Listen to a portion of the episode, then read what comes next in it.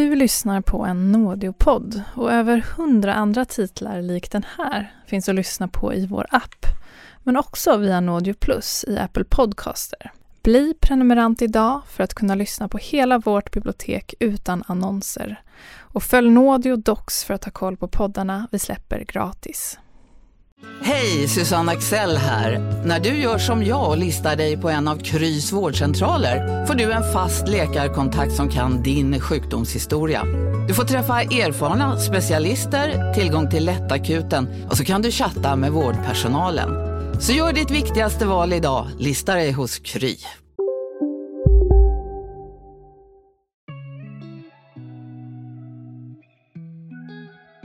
Det är tidig morgon den 7 mars 2017. Snön faller stilla över Hallonbergen som ligger i Sundbyberg strax utanför Stockholm. I den lilla förorten så börjar familjer vakna upp och göra sig redo att ta sig an den nya dagen. I ett stort betonggrått bostadshus precis vid centrum så går en sjuårig pojke och hans mamma Elisabeth ut ur porten, bort mot skolan. Pojkens 15-åriga storebror har redan hunnit iväg till sin. Elisabeths man José gör sig redo för morgonpromenaden med familjens ögonsten, lilla Bamse. En liten fluffig hund som han älskar. Vi hör författaren och journalisten Ann Törnqvist som har skrivit boken Gola vittna dö som den här dokumentärserien är baserad på. Och det är hon som kommer guida oss genom den här berättelsen. Han har inte kunnat gå så långt med hunden på ett tag för att han har haft så himla ont, men han mår ju äntligen bättre så att han börjar gå på längre och längre promenader. José har just börjat tillfriskna efter att ha drabbats av tarmcancer. Han har kämpat länge med svåra smärtor och tvingas gå med rullator när det har varit som värst. Just den här dagen så åker hans fru Elisabeth inte vidare till jobbet efter skollämningen utan går tillbaka hem för att vila sig. Hon är sjukskriven på grund av att eh, en familjemedlem hade gått bort. Också han i, i cancer, så på något sätt är det en olycksdrabbad familj. Och det är så djupt orättvist. Bara några minuter efter att Elisabeth har kommit hem igen så går José ut med Bamse. Samtidigt, några kvarter bort, så ringer det på dörrklockan hemma hos en annan familj. Här bor en 16-årig kille som kallas för Assad. Det är bara han och hans styvmamma som är kvar hemma vid den här tiden på morgonen, strax innan 09. In genom dörren kliver Assads jämnåriga kompis, Farid.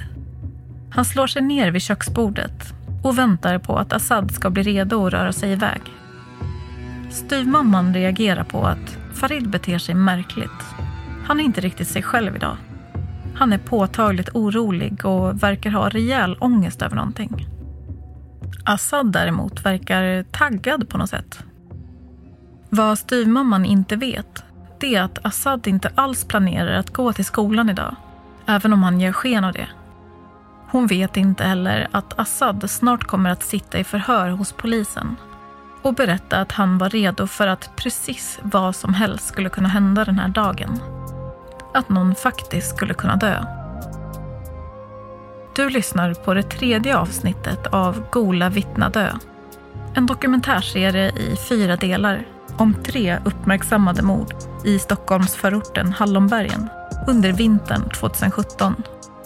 Dokumentären är baserad på boken med samma namn av författaren och journalisten Ann Törnqvist. Vissa namn i dokumentären har bytts ut. Vi vill varna känsliga lyssnare för att den här podden innehåller starka och obehagliga scener. Åtta minuter över nio på morgonen kommer ett samtal in till SOS Alarm. Operatören hör hur någon andas uppjagat och snart säger en mans röst något om att det pågår ett inbrott i hans hem.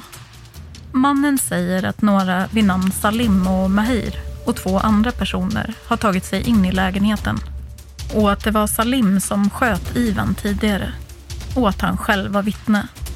Och nu är hans fru ensam med de här killarna där inne. Det är José som ringer. Han har precis kommit tillbaka till lägenheten och märker direkt att det är något som inte stämmer när han tittar in mot uteplatsen. Fönsterrutan till altandörren är sönderslagen och står på glänt. Han känner direkt igen personerna som rör sig där inne.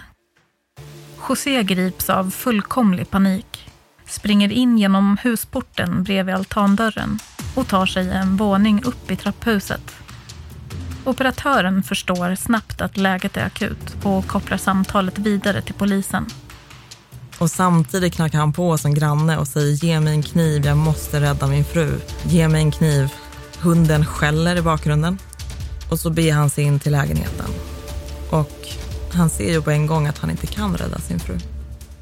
José har fortfarande polisen med sig i telefonen och säger skärrat att Salim har en kniv som han kommer bli huggen med och att polisen behöver komma snabbt.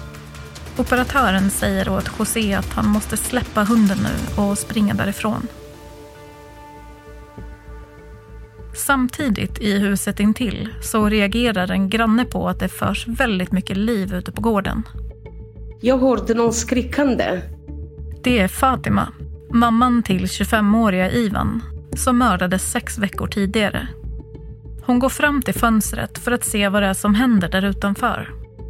Där såg jag eh, någon svart jackan på marken och någon hundkoppel. Och jag såg eh, att eh, personerna som var där, de gick på gården. Men jag trodde att det var ungdomar som höll på att kasta snöbollar. Jag gick och satte mig. Sen hörde jag den skrikande igen. Men då gick jag på den sidan där man kunde se José och Elisabeths bostad. Jag såg att eh, det var några personer som var runt omkring den personen. Den kunde inte komma loss för att eh, de fick omringa den personen. Gänget som omringar mannen är alla klädda i mörka kläder och Fatima har svårt att urskilja några ansiktsdrag. Men eh, sen ser hon någonting som inte går att ta miste på. Det är en ljusare kille som har ett stort skägg. Och hon vet precis vem det är. Salims andra hand, Mahir. Hon ser honom slå José med något som liknar en planka. Jag var rädd, jag var uh, arg. Jag hade tänkt så här att skrika och säga lägg av, det kommer polisen. Men precis i det ögonblicket så vänder sig Mahir om och tittar rakt upp mot Fatimas fönster. Han måste ha sett mig. Då sprang jag till grannen.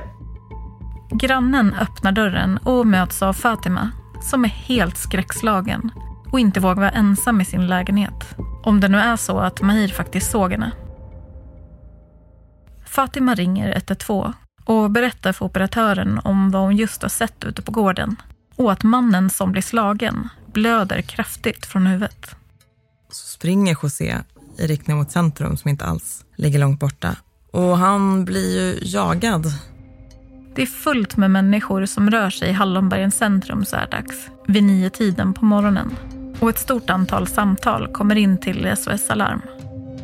Polisen 112. Pågående misshandel i Hallonberg överplan. En av personerna som ringer in säger att han ser en svårt skadad man som försöker ta sig fram längs med gatan ner mot centrum. Senare inför rätten så kommer han berätta mer detaljerat om vad han ser den här morgonen. Jag ser att den ensamma mannen går ner på Lötsjövägen och de här männen går efter. Jag upplever som att den ensamma personen backar bakåt och försöker eh, eh, försvara sig. Då. Och jag tror han ropar på hjälp där också. Så går de långsamt framåt han. Det, är, det känns inte som någon stress utan de går långsamt men de kommer ju ikapp han. Nu ligger han ner. Shit, jag vågar inte gå fram själv heller. Var någonstans är ni i centrum? Lötsjövägen. Det är knivar, så jag vill inte gå fram själv kan jag säga. Ligger han på backen eller? Ja, nu ligger han på backen. Det är fyra grabbar bredvid. Kan ni skrika eller någonting? Skrik att polisen är på väg eller så att de avbryter. Polisen är på väg! Ja, de är på väg. Vi har en insats att de är på väg. Ja, ja nu går jag fram till Han ligger utslagen. Ja, lever han? Jag vet inte. Ja, det är så jävla mycket blod. Mutta förband, vi måste trycka på en gång. Ha något eh, tyg, alltså något... Ja, de är knivhuggen helt och hållet. Ja.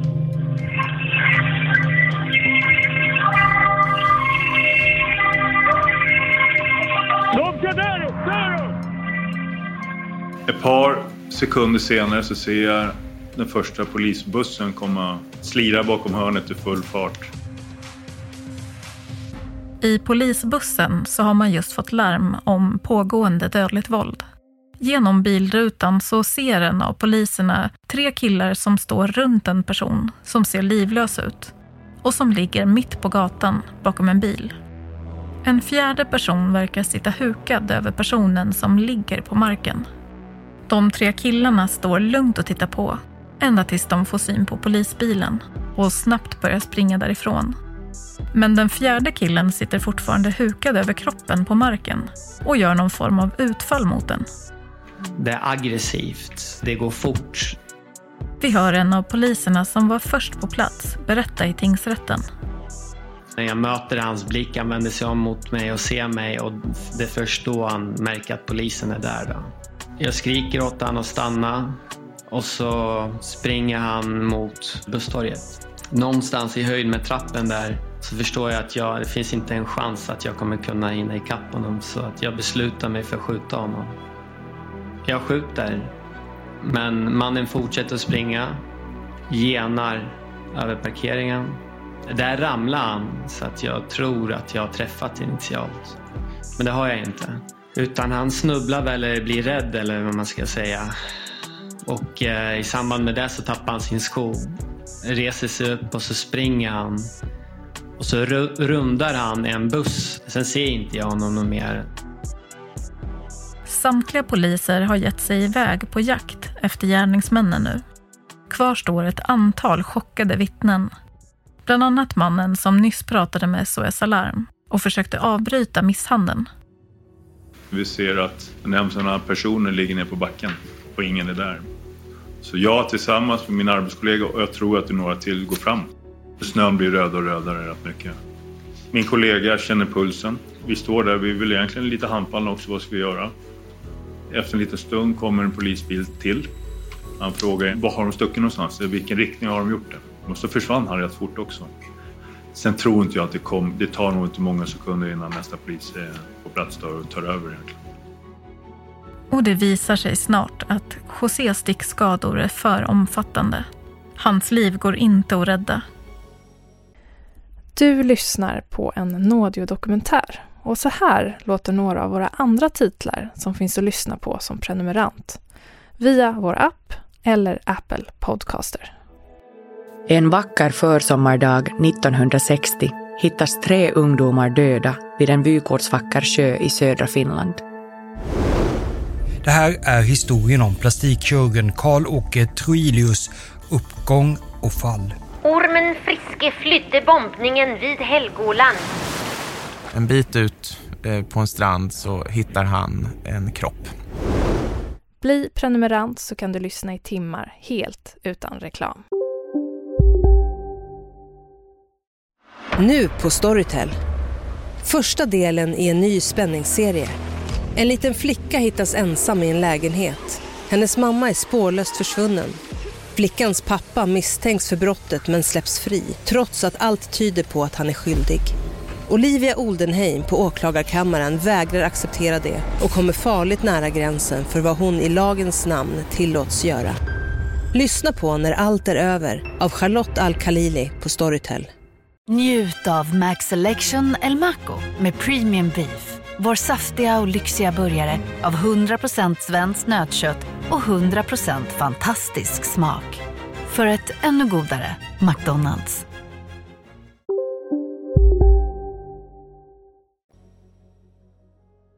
Poliserna som var först på plats fortsätter att jaga efter de fyra misstänkta gärningsmännen. Och tack vare färska fotspår i nysnön så leds polisen snart in mot en port i ett hyreshus där två av killarna förgäves försöker gömma sig. Det visar sig snart vara Mahir och Salim. Ytterligare poliser är på väg i ilfart med blåljus mot Hallonbergens centrum en av dem har nyss fått höra på polisradion om ett märkligt signalement. Att en av de misstänkta gärningsmännen som är på fri fot förmodligen bara har en sko på sig, mitt i vintern. Men ungefär vid bron där dyker en kille upp som springer ut på ett litet gräs, en gräsyta. Polisen som ser den här killen upplever honom som stressad. Killen tittar upp mot luften och det verkar som att han försöker se om det har kommit någon polishelikopter än. Polisen kör upp med bilen, rakt framför killen. Vi hör polisen berätta i tingsrätten. Så jag kommer ganska nära och då ser jag verkligen att han har en sko på sig och beter sig jättekonstigt. Och utifrån det signalement som hade nämnts och det som hade hänt tidigare så hoppar jag ur bilen. Polisen ser till att snabbt få ner killen på knä och sätta på honom handfängsel. Och han är lätt att prata med. Det är, det är inget hotfullt eller aggressivt beteende eller sådär. Jag ser att det här är någon som mår dåligt så då blir det liksom väldigt, vi pratar lite lugnt. Polisen sätter in killen i bilen och låter en kollega ta över. Men blir snart ditkallad av sin kollega igen. Jag går dit och då eh, minns jag som att han, han gråter inte öppet men han är tårögd och, och mår dåligt och säger att han har begått ett brott. Och sen lutar han sitt huvud på, mitt, på min arm, på mitt, eh, nästan på mitt bröst. Och sen tar inte jag den diskussionen vidare angående vad det var för någonting och så. Utan att det, det stannar där. Nu är alltså tre av fyra misstänkta gärningsmän gripna. Men den fjärde, en väldigt ung kille, verkar vara spårlöst försvunnen. Ett stort antal poliser börjar söka efter viktiga spår i området.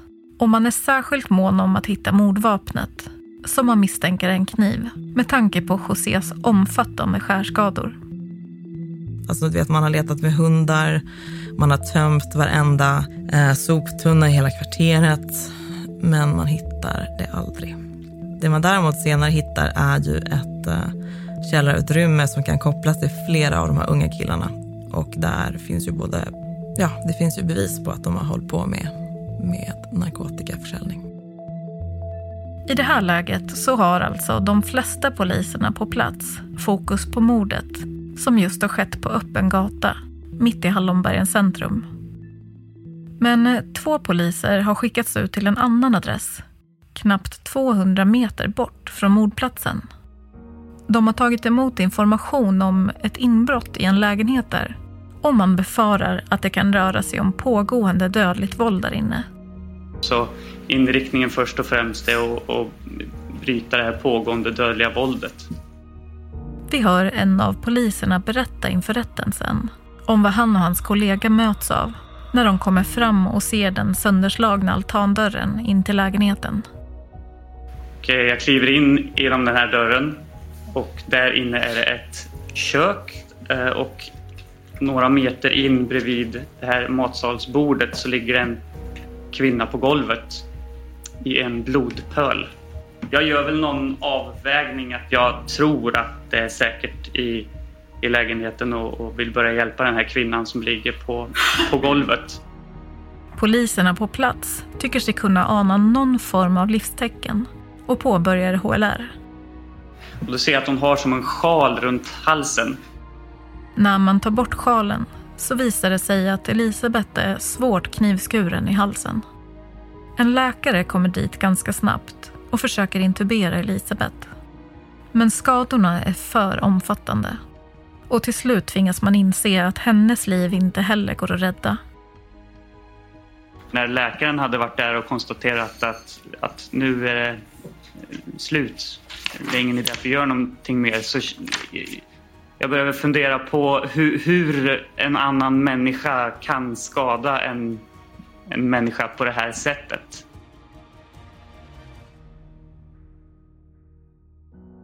En av poliserna går ut i vinter, liksom, det finns snö på marken. Och, och händerna är täckta med blod och han använder alkogel och försöker liksom, han plockar upp snö för att han vill bara få bort blodet från sina händer. Och sen så står ju Josés hund utanför lägenheten och eh, de tar hand om hunden. Det är fortfarande väldigt mycket polis kvar här i Hallonbergen i Sundbyberg i Stockholm. Vi hör reporten Matilda Nyberg rapportera live för Expressen knappt en timme efter Josés larmsamtal. Vi har sett flera polisbilar och bilar från polisens tekniker som kör in och ut ur det här ganska stora avspärrade området faktiskt. Och enligt polisen så kommer man att hålla på den här avspärrningen under eh, förmodligen hela dagen idag. Så man kan bara anta att det är ett gediget eh, tekniskt arbete som polisen håller på med just nu. Och en kvinna som jag pratade med hon berättade att det ligger en skola lite längre upp på den här vägen och hon sa det att, att något sånt här inträffar mitt på dagen när det faktiskt finns barn i närheten som kan ha blivit vittne till detta. Det gjorde henne extremt illa berörd. Grejen är att det finns, en, eh, det finns en tråd som jag inte drog i tillräckligt hårt som handlar om varför polisen inte skyddade José e tillräckligt, eller inte alls skulle man faktiskt kunna säga utan skam. Nej, hur kommer det sig egentligen att ingen inom polisen verkar ha följt upp oron som José uttryckte inför att vittna mot Salim? Och vad hände egentligen med patronhylsan som José lämnade över till polisen som kanske skulle kunna vara ett viktigt brottsplatsbevis? Under eftermiddagen, samma dag som José och Elisabeth mördas, får Mårten ett sms av en kollega. Kollegan frågar om det var citat, “någon kändis som blev klippt i HB idag”. Mårten svarar kollegan att det var hans uppgiftslämnare och frun som blev mördade. Han skriver också ut deras riktiga namn i smsen trots att de borde vara sekretessbelagda, även internt. Och så skriver han att han tror att det är Salim som är mördaren. Sen övergår Mårten till att benämna José som UL, alltså uppgiftslämnare. Han skriver bland annat UL gick omkring och berättade att han skulle sätta dit Salim. Eventuellt var det Salim som sköt Ivan i Hallonbergen. UL kunde inte hålla käften. Jag varnade honom. Samtidigt ligger patronhylsan, alltså den som José gav till Mårten, fortfarande kvar på hans skrivbord. Först två dagar efter dubbelmordet, alltså nästan tre veckor efter mötet i bilen, så skriver Mårten ett ordentligt PM om sina kontakter med José. Och det ska dröja ytterligare en dag till innan Mårten lämnar över patronhylsan till mordutredarna. Men faktum kvarstår. Uppgiftslämnaren och hans fru är döda nu. På väldigt kort tid så har polisen i alla fall lyckats gripa tre misstänkta gärningspersoner efter morden. I arresten så sitter än så länge Salim, Mahir och 16-åriga Assad. Alla har intervjun så nu vill jag betona att jag pratar om mina intryck. Men när man kollar på bilderna som polisen tar när de har liksom gripit de här killarna. Det finns ju en som ser helt känslokall ut. Det var så brutal avsaknad av känslor. Ann reagerar också starkt på bilderna som tas på Salim i arresten direkt efter gripandet. Han ler brett framför kameran och ser ut att vara väldigt road av hela situationen. Och någon slags insikt om vad han har gjort, eller liksom hemskheten av det han gjort. Det går inte att se på hans ansikte. Liksom. Det ser ut som om han befinner sig mitt i en lek. Vilket ju faktiskt betyder att, att José var liksom en, en spelpjäs som sen blev en leksak. I något slags, är det någon slags kamp om vad? Dominans? Överlevnad? Liksom, jag har ingen aning. Jag har undrat ibland om han ville åka fast. Att han hade så ont någonstans i själen att han ville åka fast. Efter dubbelmordet så börjar rykten spridas om kopplingarna mellan gärningsmännen och mordoffren och eventuella motiv. Vi har reporter August Bergqvist på Sveriges Radio P4 Stockholm som försöker få klarhet i det i en intervju med åklagare Olof Kalmvik. Kan det bli aktuellt med fler gripanden? Det vill jag inte kommentera. Har motivet till det här dådet klarnat på något vis i utredningsarbetet? Det vill jag heller inte kommentera, men vi utreder ju eh, alla tänkbara motiv. Uppgifter i media säger idag att eh, en av de dödade skulle vittna i en rättegång. Vad säger du om den uppgiften? Eh, det vill jag inte kommentera heller. Ganska exakt tre dygn efter dubbelmordet så inleds häktningsförhandlingarna. Vi hör kammaråklagare Olof Kalmvik igen under den hårdbevakade pressträffen. Det jag kan säga kortfattat eh, om eh, läget nu att tre personer är häktade. De är mellan 16 och 21 år. Rätten har också beslutat om yppandeförbud när det gäller utredningen. Och det är på grund av det känsliga läget som är, som är just nu. Eh, det är dels för att det är tre personer som är häktade och även för att det finns eh, eh sannolikt ytterligare en gärningsman eller kvinna som är på fri fot. Ann befinner sig på plats vid häktningsförhandlingarna. Hon berättar att Salim blir aggressiv och hotfull mot ordföranden och mot en av polisens handläggare inne i rättssalen. Och att hans advokat till och med flyttar sin stol längre bort från honom medan Salim fastnar i osammanhängande religiöst svammel. Efteråt säger handläggaren till Anna att Salim citat, inte är obehaglig som person utan att det är hans jävla instabilitet som är obehaglig. Det finns en bild under en häktningsförhandling, du vet när man är man lite snabb som pressfotograf kan man plåta in genom dörrarna in i rättssalen innan de stänger dörrarna. Expressens fotograf Sven Lindvall lyckas precis hinna ta en bild av Salim där inne. En bild som snabbt skapar stora rubriker när Salim lyfter båda händer och pekar dubbel fuck you, tittar rakt in i kameran och ler. Och det är nu som Salim, som alltså står misstänkt bland annat för att ha tagit tre människors liv, blir allmänt känd i media som den skrattande mördaren. Men det här är långt ifrån sista gången som Salims provocerande infall och märkliga påhitt skapar rubriker. Och i slutändan så kommer den stora frågan bli, är Salim verkligen så kall och världsfrånvänd som han framstår? Eller är allt bara ett noggrant uträknat och fullständigt vansinnigt skådespeleri? I nästa avsnitt. Du höll i ett vapen? Det var jag som sköt. I Lötsjögaraget? Det var jag som sköt i Lötsjögaraget. Ibland jag tänker på den jag gråter, jag säger vilka falska människor, vilken förrädare. Ni skulle inte få den här informationen från mig om inte ni hade min hjärna. Jag vet inte, ni förgiftade mig och tog min hjärna och gjorde så här omvänd psykologimetoder. Du har lyssnat på Gola vittna dö. En dokumentärserie i fyra delar baserad på boken med samma namn av Ann Törnqvist. Producent och manusförfattare är jag, Amanda Leander. Tekniker Kristoffer Kronander. Exekutiv producent är Tove Friman Leffler. Och det här är en produktion av Podlit för Nådio. Tack för att du lyssnar.